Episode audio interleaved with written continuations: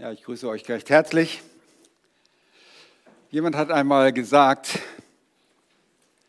wenn man einen Menschen davon überzeugen könnte, dass es keine Hoffnung gibt, würde er den Tag verfluchen, an dem er geboren wurde.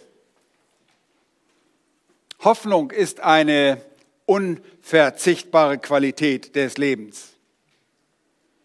Aber sehr häufig werden menschliche Hoffnungen enttäuscht. So wie es bei einem tragischen Unfall vor der nordamerikanischen Ostküste in der Nähe von Princetown, Massachusetts, der Fall war. Vor nahezu 100 Jahren, im Jahre 1927, wurde das U-Boot S-4 der Marine der Vereinigten Staaten von einem anderen Schiff versehentlich gerammt und sank daraufhin sehr schnell auf den Grund. Die gesamte Besatzung war nun in einem Todesgefängnis aus Stahl eingeschlossen. Schiffe eilten zum Ort des Unglücks, um Hilfe zu leisten. Und wir wissen nicht, was sich unten in dem gesunkenen U-Boot abspielte, aber wir können sicher sein, dass die Männer sich tapfer ans Leben klammerten als ihnen der Sauerstoff langsam zu Ende ging. Ein Rettungstaucher legte sein behelmtes Ohr an die Seite des Bootes und lauschte auf die Zeichen, die aus dem vorderen Torpedoraum kamen. Er hörte ein Klopfgeräusch. Jemand, so erfuhr er, tippte eine Frage in den Punkten und Strichen des Morsecodes heraus und die Frage kam sehr langsam. Gibt es irgendeine Hoffnung? Und die Antwort, verfasst von dem Oberbefehlshaber der Flotte der Vereinigten Staaten, Captain Ernest Joseph King, lautete, es gibt Hoffnung, es wird alles getan, was möglich ist. Leider und aufgrund schlechter Wetterbedingungen konnte die Rettungsmannschaft die eingeschlossenen Männer nicht mehr retten. Hier ging eine Hoffnung zu Schanden, weil die Retter begrenzt waren. Es war nicht in ihrer Macht zu retten. Manchmal geht eine Hoffnung auch zu Schanden, weil man in Dinge investiert, die sich als Irrtum erweisen. So war das in dem Leben des Mr. Tabor. Mr. Tabor ist in der Geschichte Colorados, ein Herr Tabor, wenn ich es auf Deutsch sagen soll, war in der Geschichte Colorados sehr berühmt. Er war ein erfolgreicher Geschäfts- und Bergmann, der mit seiner Matchless Mine, einer unvergleichlichen Silbermine in dem Leadville Mining District in Colorado, Millionen Dollar verdiente. Und er ließ sich von seiner ersten Frau nach 20 Jahren scheiden, damit er die schöne geschiedene Elisabeth Baby Doe heiraten konnte. Diese unerlaubte Heirat wurde zu einem der herausragendsten gesellschaftlichen Ereignisse des frühen Westens, zu dem sogar der Präsident der Vereinigten Staaten eingeladen war und er kam sogar. Schon bald erlebte das Ehepaar aber einen riesigen Rückschlag. Tabors verbliebener Reichtum verschwand 1893, als eine Wirtschaftspanik und die Demonetarisierung von Silber der amerikanischen Wirtschaft einen schweren Schlag versetzte. Mr. Tabor verlor sein Geld. Er starb mit gebrochenem Herzen und als armer Mann. Kurz vor seinem Tode soll er seiner Frau Baby Doe die letzte Weisung mit auf den Weg gegeben haben und sagte, habe Vertrauen in die unvergleichliche Mine. Gebe sie niemals auf. Sie wird dir alles zurückgeben, was ich verloren habe. Baby Doe, die nun verlassene und alternde Witwe, nahm ihm beim Wort Sie lebte in der Nähe der Mine und bewachte sie für die nächsten 36 Jahre ihres trostlosen Lebens. Sie blieb stets in der Nähe der Mine und das trotz wiederholter gerichtlicher Verbote und erdrückender Widrigkeiten. Ihr Lieben, Ihr Leben war so schlimm, dass sich selbst ihre Töchter von ihr entfernten. Und im Jahr 1935 starb sie in einer heruntergekommenen Blockhütte in der Nähe dieser verheißungsvollen Silbermine. Ihre Hoffnung bis ans Ende beraubt. Ihr Leben war ein kläglicher Fehlschlag und kam zu einem so traurigen Ende, weil sie Hoffnung und Glauben auf das falsche Objekt gesetzt hatte. Hier versagten nicht die wohlwollenden menschlichen Retter, wie es bei dem tragischen U-Boot-Unglück der Fall war, sondern es war eine nicht aufgehende Rechnung, die die Tabors ohne jegliche Gedanken an die Ewigkeit gemacht hatten, indem sie ihr irdisches Glück in den vergänglichen Reichtümern dieser Welt suchten. Und vielleicht besitzt du auch eine ähnliche fragile Hoffnung. Eine Hoffnung, die nur auf dieses Leben fixiert ist. Und du hast keine, oder du hast keine Hoffnung mehr in diesem Leben, weil du erkrankt bist. Und das ist nicht selten unter den Menschen. In der Medizin gibt es einen Zustand, der als metatasierender Krebs oder generalisierte Karzinomatose bekannt ist. Diesen Begriff benutzen Mediziner wenn sich ein Tumor über seinen Ursprungsort hinaus im ganzen Körper ausgebreitet hat. Der Patient gilt in einem solchen Fall als nicht operationsfähig. Und obwohl Bestrahlung und andere palliative Maßnahmen den Tod herauszögern können, ist dieser unausweichlich. In diesem Stadium gibt es keine bekannte Heilung. Der Mensch in diesem Zustand hat keine Hoffnung auf ein weiteres Leben auf dieser Welt. Ihr Lieben, so wie in den vorangegangenen Beispielen, so wird es Menschen ohne Gott gehen, weil er in dem Käfig, weil der Mensch in dem Käfig seines Lebens gleichsam und langsam, ohne jegliche Hoffnung auf eine Ewigkeit oder bestenfalls mit einer falschen Hoffnung zugrunde gehen wird. Wie Menschen in einem sinkenden U-Boot ohne Sauerstoff oder wie eine Baby Doe, die auf klägliche Weise verarmt und in ihrer Hütte erfroren gefunden wird, oder wie ein schwerkranker Mensch ohne Hoffnung auf Heilung. So muss der Mensch ohne Gott enden. Und dabei ist das Ende noch viel elender als bei den hier beschriebenen Situationen, denn das Elend kommt nach dem Tod. Irdische Hoffnung reicht nicht aus. Der König David schrieb im Psalm 62 deshalb, nur auf Gott wartet still meine Seele, denn von ihm kommt meine Hoffnung. Nur er ist mein Fels und mein Heil, meine sichere Burg. Ich werde nicht wanken.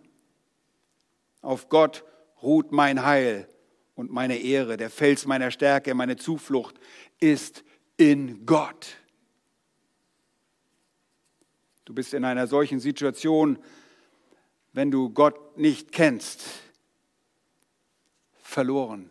Du bist hoffnungslos dann gehst du dem elenden Tod nicht nur physisch, sondern dem, der ewigen Verdammnis entgegen, sagt die Schrift. Egal wie du heute lebst und welche Besitztümer du auch haben magst, dein Tod ohne Gott wird Gottes schreckliches Gericht bringen.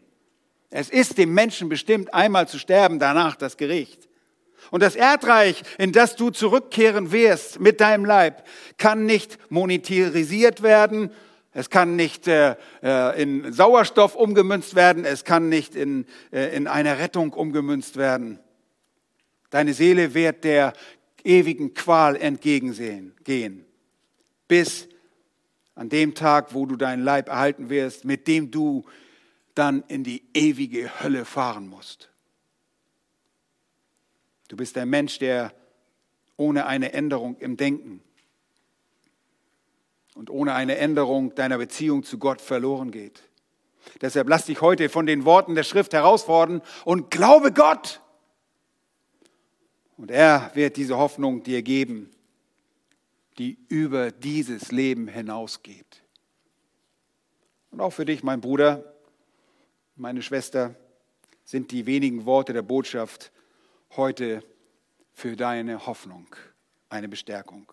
Und es sind neun Worte der Hoffnung, Neun Worte im griechischen Text, die dir Hoffnung geben, wenn du nur glaubst und vertraust, was mit Christus geschah und wer er ist. Neun Worte, denen du Glauben schenken musst, damit du nicht elendig zugrunde gehen wirst. Neun Worte, um ein Leben zu führen, das dem Schöpfer dieser Welt gefällt und das seinen Ansprüchen Genüge getan wird, wenn du auf diese Dinge baust. Neun Worte, die, wenn du ihnen vertraust, die ganzen Worte der Heiligen Schrift dir aufgeschlossen werden. Neun Worte aus einem Vers aus dem Korintherbrief, die ich dir heute erklären werde. Und schlag bitte eure Bibeln auf. Es ist sehr hilfreich, wenn ihr eure Bibeln dazu aufschlagt, damit ihr im Text folgen könnt. 1. Korinther Kapitel 15 und Vers 20. 1. Korinther Kapitel 15 und Vers 20. Und die Übersetzung der neuen Worte ins Deutsche in der Schlachterübersetzung liest sich so. Die Schlachter nimmt dabei äh, allerdings zehn Worte aus einem anderen griechischen Text. Äh, da sind es zehn Worte. Äh, ich habe eine andere Textbasis. Ich denke, die ist besser. Aber es liest sich im Deutschen so. Nun aber ist Christus aus den Toten auferweckt. Er ist der Erstling der Entschlafenen geworden. Nun, das sind 15 Worte, 15 deutsche Worte in der Schlacht der 2000. Eine bessere Übersetzung ist, nun aber ist Christus aus Toten auferweckt und dann Erstling der Entschlafenen. Und die Artikel in solchem Fall sind hier ähm, impliziert. Neun Worte der Hoffnung. Hoffnung für uns, die wir unser, wie wir unser Vertrauen auf Christus, die wir unser Vertrauen auf Christus gesetzt haben.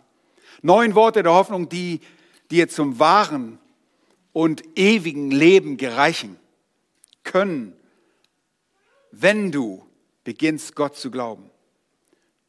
Und der Vers 20 beginnt mit zwei Worten, die auf einen Missstand hinweisen, der in ähnlicher Weise auch dein Missstand sein könnte. wir lesen, nun aber Zwei Worte weisen auf das Leugnungsdesaster der Auferstehung hin. Das Leugnungsdesaster der Auferstehung.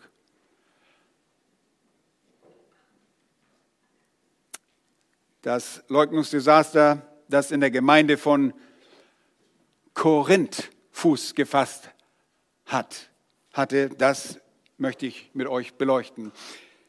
Das 15. Kapitel im ersten Korintherbrief ist uns Kindern Gottes sehr gut als das Auferstehungskapitel der Bibel bekannt.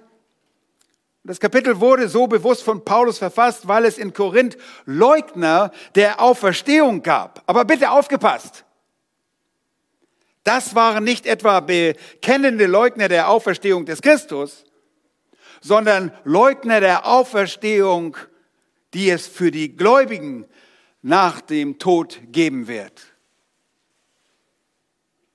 Als Konsequenz waren die Vertreter dieser irrigen Auffassung auch Leugner der Auferstehung des Christus. Aber das verstanden sie nicht. Diese Leugner befanden sich in den Reihen der Gemeinde in Korinth. Ist das nicht ein bisschen befremdlich? Ja, das ist auf der einen Seite befremdlich, denn die Korinther standen fest in dem Evangelium. Das sagt Paulus. Und sie glaubten dem Evangelium. Und deshalb zeigt Paulus in dem 15. Kapitel zunächst, dass der Glaube an die Auferstehung des Herrn ein wesentlicher Bestandteil des Evangeliums ist. An dieses Evangelium glaubten die Korinther. Denn sonst wären sie was nicht? Sie wären keine Christen. Und sie hätten sich niemals Christen nennen können wenn sie nicht der Auferstehung, dem Evangelium von Jesus Christus geglaubt hätten. Zu dem einen von Paulus verkündigten Evangelium, dem Evangelium, dem wir heute Glauben schenken, weil es kein anderes Evangelium gibt, gehört die Wahrheit der Auferstehung der Gläubigen. Das ist, was Paulus bereits in Kapitel 6 deutlich macht, als er dort in Vers 14 schreibt. Bitte schlag das mal kurz auf. 1. Korinther 6, Vers 14. Dort schreibt er, Gott aber hat den Herrn auferweckt und wird auch uns auferwecken durch seine Kraft. Sehr unmissverständlich. Dennoch gab es Leugner der menschlichen Auferstehung, Leugner, die sich unter diesen Gläubigen bewegten und sich dort aufhielten und offenbar nicht an dem Wort der Evangeliumsverkündigung festhielten. Das ist nun nicht mehr so ungewöhnlich. Sie hatten sich vielleicht verständnismäßig rein äußerlich zu der Herrschaft des Herrn Jesus Christus bekannt. Und das erleben wir auch immer wieder in den Reihen unserer Gemeinde, der Bibelgemeinde Berlin. Wir erleben wiederholt, dass Leute kommen, die bei allem dabei sind und auch bei allem dabei sein wollen. Und sie bekennen sich sogar in ihrem Glauben zu Gott und sie geben sich auch scheinbar der Herrschaft Christi hin, aber dann nach einer kurzen oder manchmal auch an einer längeren Zeit wird offenbar, was sie wirklich antreibt und dass sie nie ihm gehört haben. Ihr Glaube ist vergeblich, denn sie vertrauen weder dem Herrn noch unterwerfen sich seiner Herrschaft. Und so wandern sie ab in alle möglichen Lüste und Ehrlehren. Einige sind zu regelrechten Gemeindehopsern geworden. Sie glauben dem Herrn nicht im Sinne von Vertrauen und zeigen keine Treue. Und das ist eine Tragödie. Und ich rede nicht davon, dass wir als Christen gelegentlich sündigen können und das sogar sehr schrecklich aussehen kann. Nein, es geht hier um die Täuschung derjenigen, die sich zu Christus hielten, aber die Auferstehung der Heiligen, der Gläubigen leugneten. An dieser Sichtweise wird ersichtlich, dass ihr Glaube ein nicht rettender Glaube war und sie nicht an den ihnen verkündigten Worten festhielten.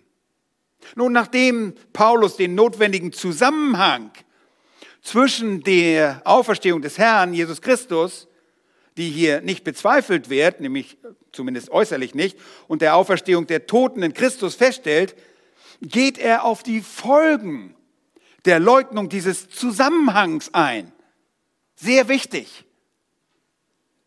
Paulus hat dabei, geht bitte zu Vers 12, hat dabei in dem Vordersatz, in, in der sogenannten Protasis vorne an, das Hauptaugenmerk auf die Auferstehungsverkündigung des Christus gelegt und fragt deshalb mit Verwunderung, wieso sagen dann etliche unter euch, es gebe keine Auferstehung der Toten?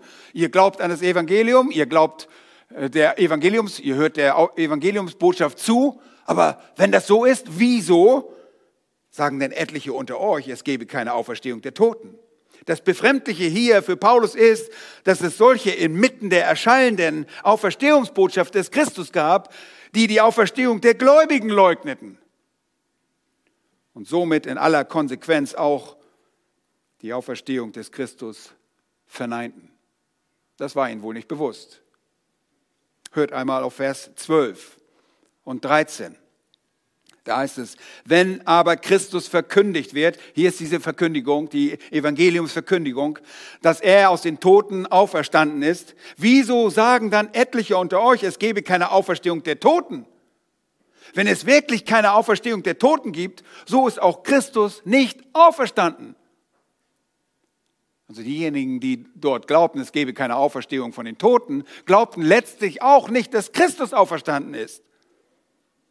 Bei seiner Argumentation konzentriert sich Paulus zunächst in den Versen 13 bis 15 auf die Folgen der Verleugnung dieser Auferstehung für die Verkündiger.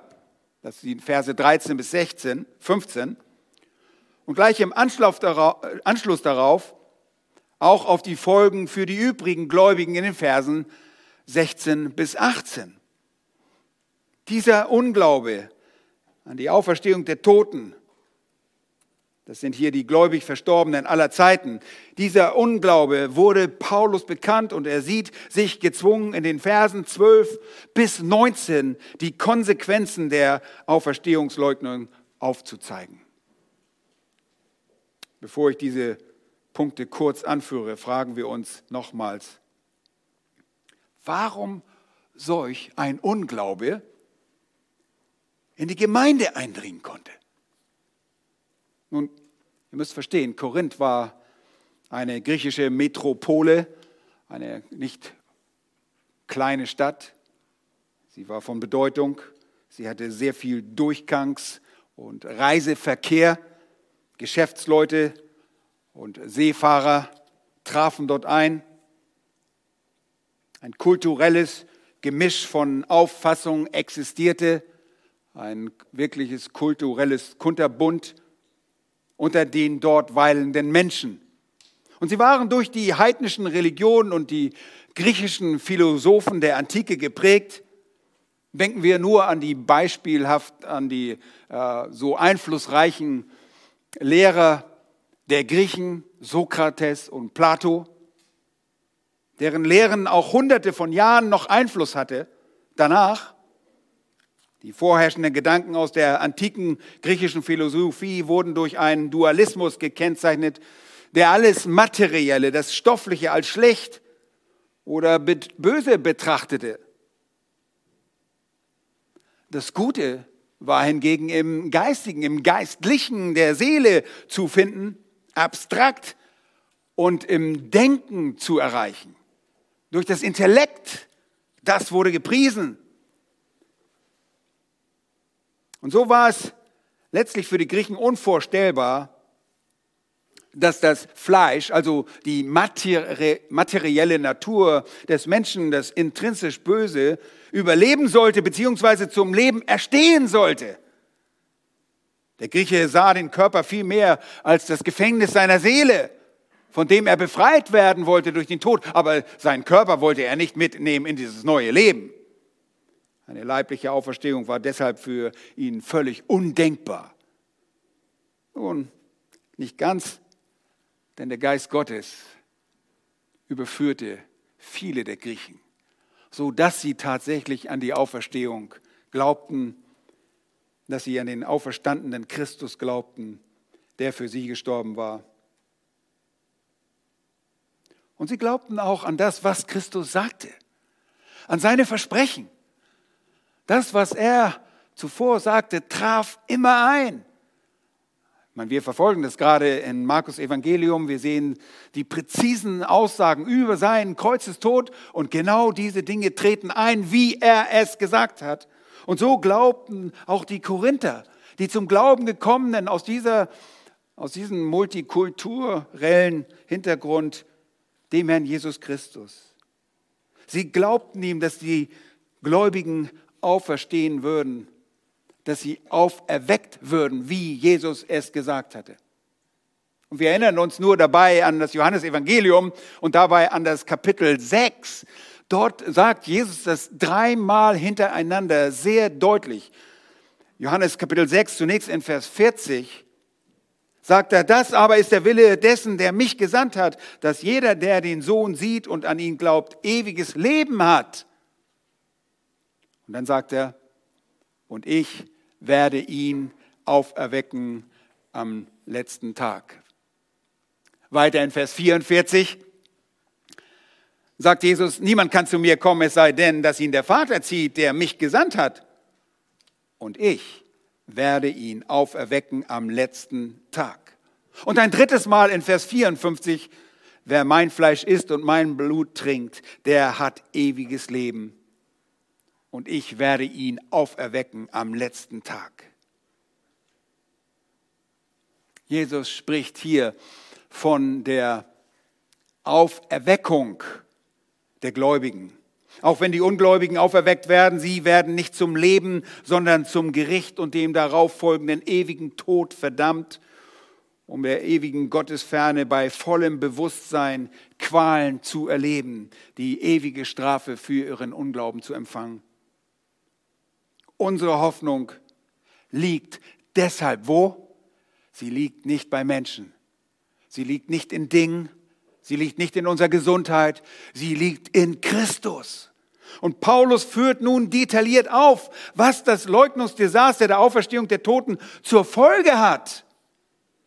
Bitte schaut in den Text hinein. Und da beginnt er in Vers 13.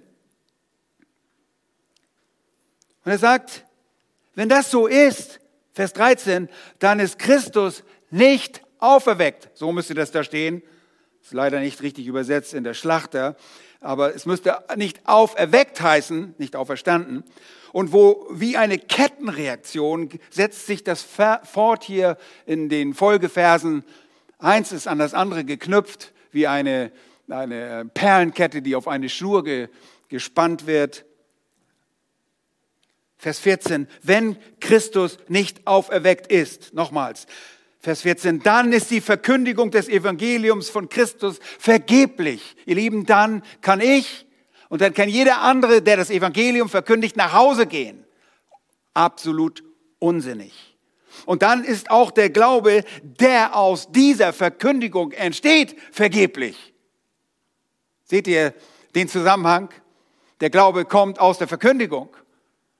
Aber wozu eine Verkündigung, wenn die Verkündigung vergeblich ist? Dann brauchen wir auch keinen Glauben. Alles vergeblich. Vers 15. Dann können die Apostel als falsche Zeugen entlarvt werden, wenn das, was sie verkündigen, nicht wirklich der Wahrheit entspricht. Vers 16 wiederholt Paulus, wenn die gläubigen Toten nicht auferstehen, dann ist Christus auch nicht auferweckt worden. Die Auferstehung bedingen einander. Das zentrale und betonte Ereignis dabei ist jedoch die Auferstehung des Christus. Sie hat den Vorrang. Ohne sie, Vers 17, ist der Glaube der Christen einfach nur nichtig. Ihr Lieben, wir verschwenden, wir verschwendeten unsere Zeit hier. Wenn Christus nicht auferstanden ist und mehr noch, wie schrecklich, dann wäre noch, dann wären wir noch in unseren Sünden, Vers 17. Keine Vergebung, kein Heil. Vers 18. Dann wären selbst die Christusgläubigen verloren. Dann ist das Ganze ein leeres Ritual. Unser ganzer Gottesdienst, unser ganzes Leben, das ein Gottesdienst für Gott ist, wäre nichtig und unsinnig. Vers 19, dann sind wir wenn wir nur während und für die Länge unseres Daseins in diesem irdischen Leben auf Jesus hofften, mit solch einer Hoffnung die elendsten Menschen auf dieser e- Erde. Dann ginge es uns schlechter und dann wären wir schlechter dran als Baby Do Tabor. Lieben, hier setzte Paulus an und bringt zu diesen Hypothesen die erste ersten zwei der neun Worte, die unsere tatsächliche Hoffnung anzeichnen. Im Griechischen Nuni de kann man fast verstehen. Nuni, nun, isländisch, nuna, jetzt, nun, nun aber. Und das leitet einen Kontrast ein. Jeder Student der Schrift würde fragen, nun aber, nun aber was? Es verhält sich nicht so, wie es für die Leugner der Auferstehung in den vergangenen Versen beschrieben wird, sondern zweitens, nun aber, Vers 20, ist Christus aus den Toten auferweckt. Das sind vier Worte der Hoffnung, die auf die Realität der Auferstehung hinweisen und sie bezeugen. Sie bestätigen die Auferstehung des leiblichen Christus. Sie bestätigen, die, es zeigt die Beweislage der Auferstehung, wird durch diese vier Worte untermauert. Das sind Worte, denen wir glauben oder es sind Worte, denen Menschen nicht glauben. Ich glaube ihnen, aber es gibt Menschen, die diesen Worten nicht glauben. Im Griechischen sind es vier Worte, Christos, äh, Gegetai, ek nekron. Einfach nur vier Worte und das bedeutet Christus auferweckt aus Toten. Vier Worte. Und das griechische Verb besteht dort im Indikativ perfekt, passiv. Lass mich das in aller Geduld erklären, weil ihr wollt hier keine Grammatikstunde haben, aber es ist einfach so interessant, was sich dahinter verbirgt. Zum einen, das griechische Verb ist in der Wirklichkeitsform, der sogenannte Indikativ, bezeugt die Realität der Erweckung, zeigt das Verb schon deutlich an. Es ist real. Es ist so geschehen. Und wir haben das heute schon betont im Vorprogramm. Wir haben gesagt, es ist tatsächlich historisch alles so geschehen. Das Verb zeigt es an. Christus ist auferweckt. Und dann zeigt das Verb im Perfekt eine vollendete Handlung an. Und drittens im Passiv oder der Leideform, man nennt das auch ein Zustandspassiv, wobei wir im Deutschen immer noch ein Hilfsverb hinzunehmen, nämlich das Hilfsverb ist das sich dann mit der Partizipform des Verbes verbindet, ist auferweckt und weist damit auf die Kraft von außen hin. Wir erhalten daraus den besten Beweis, Christus ist auferweckt, tatsächlich, wirklich, real, physisch, historisch ist es so geschehen. Und das heißt, er lebt. Das Perfekt ist vielleicht hier die wichtigste, der wichtigste Aspekt des Verbs. Das Verb im Perfekt hebt das Resultat hervor. Es bezeichnet einen erreichten Zustand der Vollendung in der Gegenwart, ein Zustand, der das Ereignis eines vorangegangenen Geschehens der Vergangenheit ist. Und dieses Geschehen, ihr Lieben, war die Auferstehung, die Auferweckung, Entschuldigung, die Auferweckung, der erreichte Zustand ist das Leben. Er lebt. Und der Zustand ist jetzt, Christus lebt, gegenwärtig. Und das als Erstling. Gleich mehr davon. Und ich sage das gern nochmals, der erreichte Zustand ist das Ergebnis der Auferweckung, so wie sie in der Vergangenheit stattfand. Sie wurde wortwörtlich erfüllt wie uns die Schreiber der Evangelien den Auferstehungsbericht im Neuen Testament überliefern. Die Schreiber der Evangelium blicken selbst zurück zum Zeitpunkt der Abfassung ihrer Berichte auf das, was geschehen ist. Und das Resultat ist das Leben. Zusätzlich offenbart dieses Verb, dieses eine Verb des Auferwecken, dem Leser dass bei der Handlung in der Passivform eine an Christus wirkende Kraft, die bei dessen Wiederbelebung tätig war, beteiligt ist. Seht ihr? Ist das ein bisschen verwunderlich, dass jemand beteiligt ist an der Erweckung? Wenn das eine Passivform ist, dann, dann muss jemand daran beteiligt sein. Bitte geht nochmal zurück. Ihr habt es schon vorhin aufgeschlagen, 1. Korinther 6. Und was steht dort? Wer hat den Herrn auferweckt? Gott aber hat den Herrn auferweckt. Was predigt Jesu, äh, Petrus bei seiner Pfingstpredigt in Apostelgeschichte 2, 32? Wer war der Wiederbelebung, bei der Wiederbelebung des Herrn Jesus Christus aus dem Tod auch tätig? Da heißt es, diesen Jesus hat Gott auferweckt. Dafür sind wir alle Zeugen. Seht ihr, das drückt das Verb auf in dieser Passivform.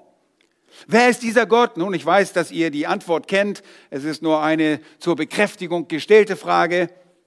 In Römer 6,4 sehen wir das, wer Gott ist. Es ist der Vater. Da heißt es, wir sind also mit ihm begraben worden durch die Taufe in den Tod, damit wir gleich wie Christus durch die Herrlichkeit des Vaters aus den Toten auferweckt worden ist, so auch wir in einem neuen Leben wandeln. Der Text beschreibt, wie Christus durch Gott, den Vater, auferweckt worden ist. Und zwar durch die Herrlichkeit des Vaters, was auf seine unermessliche und uneingeschränkte Macht hinweist. Seht ihr? Christus wurde tatsächlich, er wurde leiblich aus den Toten auferweckt und der Beweis dieser Auferstehung wird durch vier einfache Worte untermauert. Das sind Worte, denen wir glauben. Oder es sind Worte, denen Menschen eben nicht glauben. Worte, die man Gott abnimmt oder Worte, die man nicht glaubt und Gott zum Lügner macht, weil er sie als Wahrheit bezeugt. Wir als Kinder Gottes glauben diesen Worten, weil sie uns auf Gottes Geheiß aufgeschrieben wurden. Es ist das biblische Zeugnis, dass Christus auferweckt wurde, deckungsgleich mit den Berichten der Evangelisten und deshalb ist er der Auferstandene. Nicht in irgendeiner fiktiven, ausgedachten, mysteriösen Art und Weise, sondern leibhaftig, historisch auferstanden.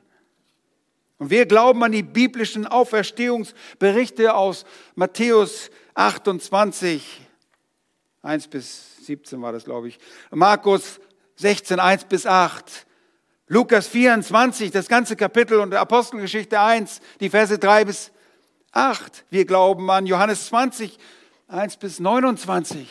Wir glauben der Schrift. Und wir glauben auch allen anderen Stellen im Alten Testament, die diese Auferstehung des Herrn Jesus Christus und die Auferstehung der, der Heiligen voraussagen. Das glauben wir, wortwörtlich.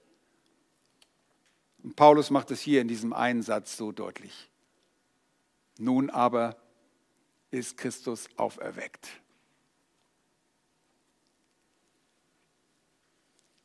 Und dazu gibt es im biblischen Bericht angeführte Zeugen, die Paulus aufführt. Im Korintherbrief könnt ihr das nachlesen. Einfach eine große Beweislage. Aber diese eine Vers reicht aus, um unserem Gott zu glauben. Und ein nachhaltiger Beweis ist auch unser verändertes Leben. Das steht hier nicht in dem Text, aber das spricht von der Auferstehung des Herrn, denn ohne Auferstehung auch keine Wiedergeburt. Petrus lobt den Gott und Vater unseres Herrn Jesus Christus im ersten Petrusbrief sagt, gelobt sei der Gott und Vater unseres Herrn Jesus Christus, der uns aufgrund seiner großen Barmherzigkeit wiedergeboren hat zu einer was? Lebendigen Hoffnung durch die Auferstehung Jesu Christi aus den Toten. Ihr Lieben, er gibt uns die Hoffnung, die über dieses irdische Leben hinausgeht. Seht ihr, ein Leben, das von der lebendigen Hoffnung bestimmt wird, unterscheidet sich drastisch von einem Leben ohne Hoffnung oder einem Leben mit falscher Hoffnung. Hoffnung, die zu Schanden werden kann. Christus in uns. Die Hoffnung der Herrlichkeit. Wir werden ihn sehen. Unser Herr starb für unsere Sünde und dabei endete das nicht. Karfreitag ist nur die halbe Wahrheit. Die Auferstehung beendet das, was notwendig war zu unserer Rechtfertigung. Er ist auferstanden um unserer Rechtfertigung willen. Es ist die geschriebene Wahrheit, die für uns höchste Relevanz hat. Und wer dies glaubt, der glaubt auch allen anderen Elementen des Evangeliums, dass Jesus nämlich gestorben ist, der Gerechte für uns, die Ungerechten, und dass wir Vergebung bei ihm haben können durch den Glauben. Auch das glauben wir, wenn wir der Geschichte der Auferstehung glauben können. Dann hat Gott ein Werk in deinem Leben getan, wenn du das glaubst. Denn das ist nichts Natürliches, das ist sein übernatürliches Werk.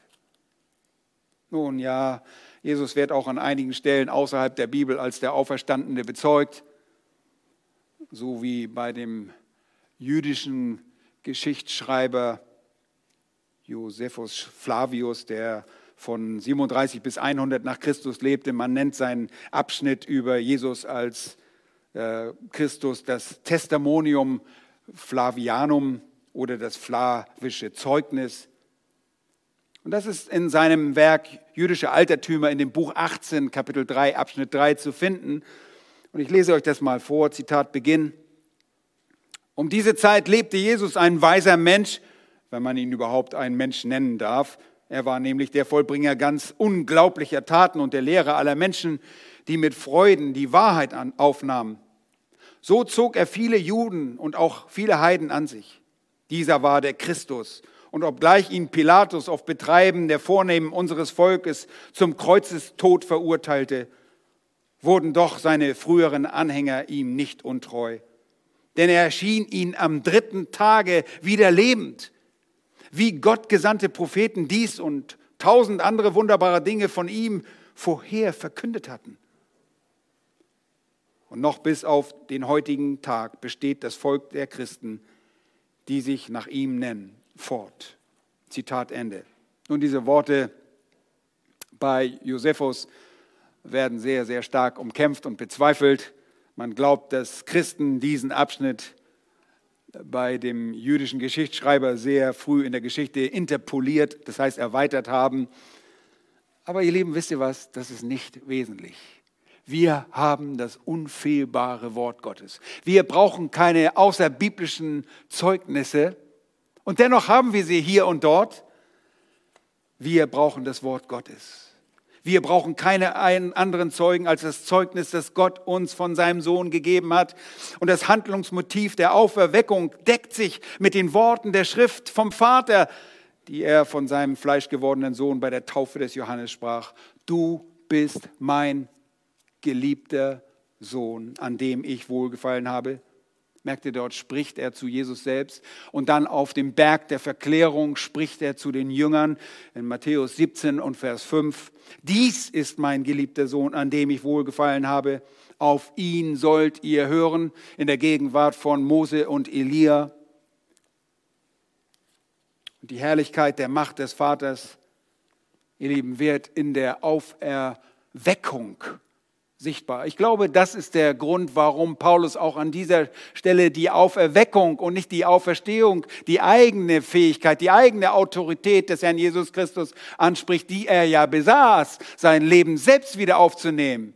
Beides ist wahr.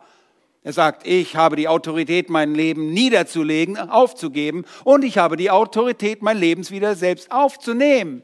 Paulus betont hier bewusst, dass er auferweckt worden ist, weil der Vater mit ihm zufrieden war, weil er wohl, der wohl, Wohlgefallen an ihm fand.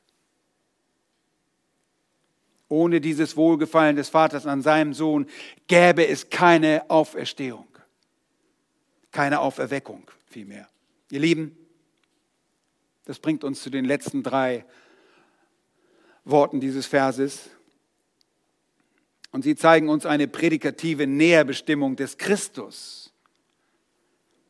Und ohne diese, die Argumentation des Paulus fürchterlich hinken würde. Ohne diese Näherbestimmung des Christus wäre der Text unvollständig. Diese drei Worte führen uns zu dem dritten und letzten entscheidenden Punkt. Die Auswirkungen, die Resultate der Auferstehung.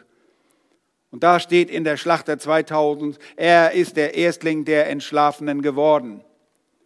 Und die Schlachter hat dort vier griechische Wort, äh, Worte als Grundlage. Im Griechischen stehen in den besseren Handschriften drei Worte.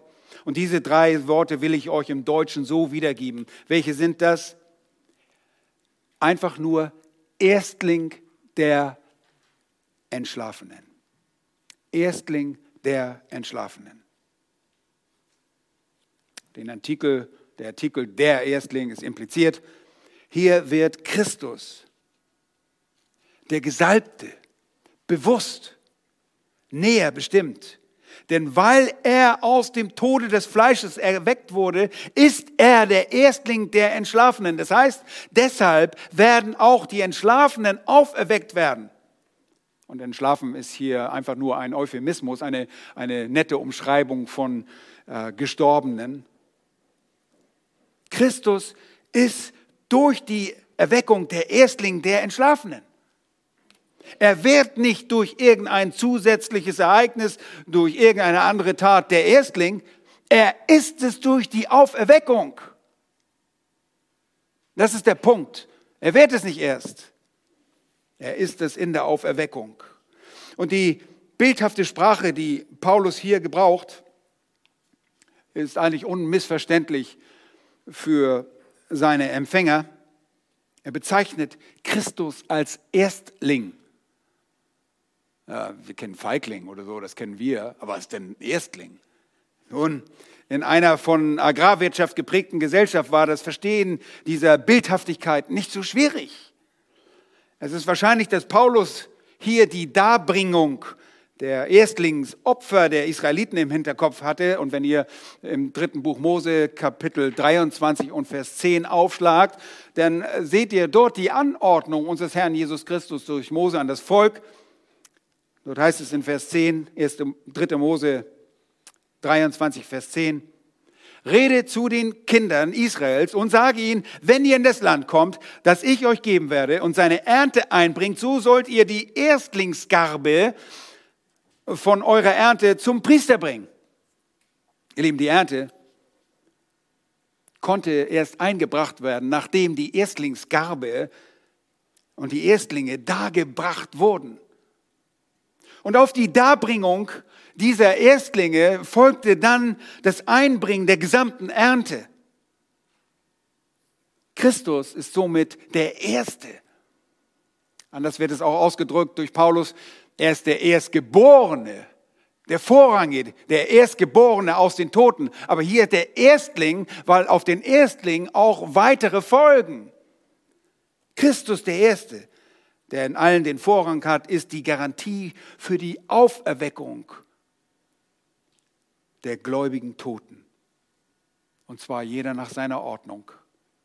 Alttestamentliche Ordnung, äh, alttestamentliche Heilige und neutestamentliche Heilige getrennt. Nun, die Auswirkungen, die Resultate der Auferstehung ist, Christus ist der Erstling. Und das garantiert für die Auferstehung der Kinder Gottes. Wir sind die Zweit-, Dritt- und Viertlinge, Fünflinge, Sechslinge. Wir sind die restliche Auferstehungsernte. Um das Bild hier zu benutzen. In der Zukunft sind wir, die wir jetzt leben und vielleicht demnächst schlafen. Was ist unser Leben schon wie ein Dampf? Wenn wir schlafen, wenn wir gestorben sind, dann sind wir diese Auferstehungsernte unseres Herrn Jesus Christus. Er wird uns auferwecken. Wir haben das gelesen, Johannes 6.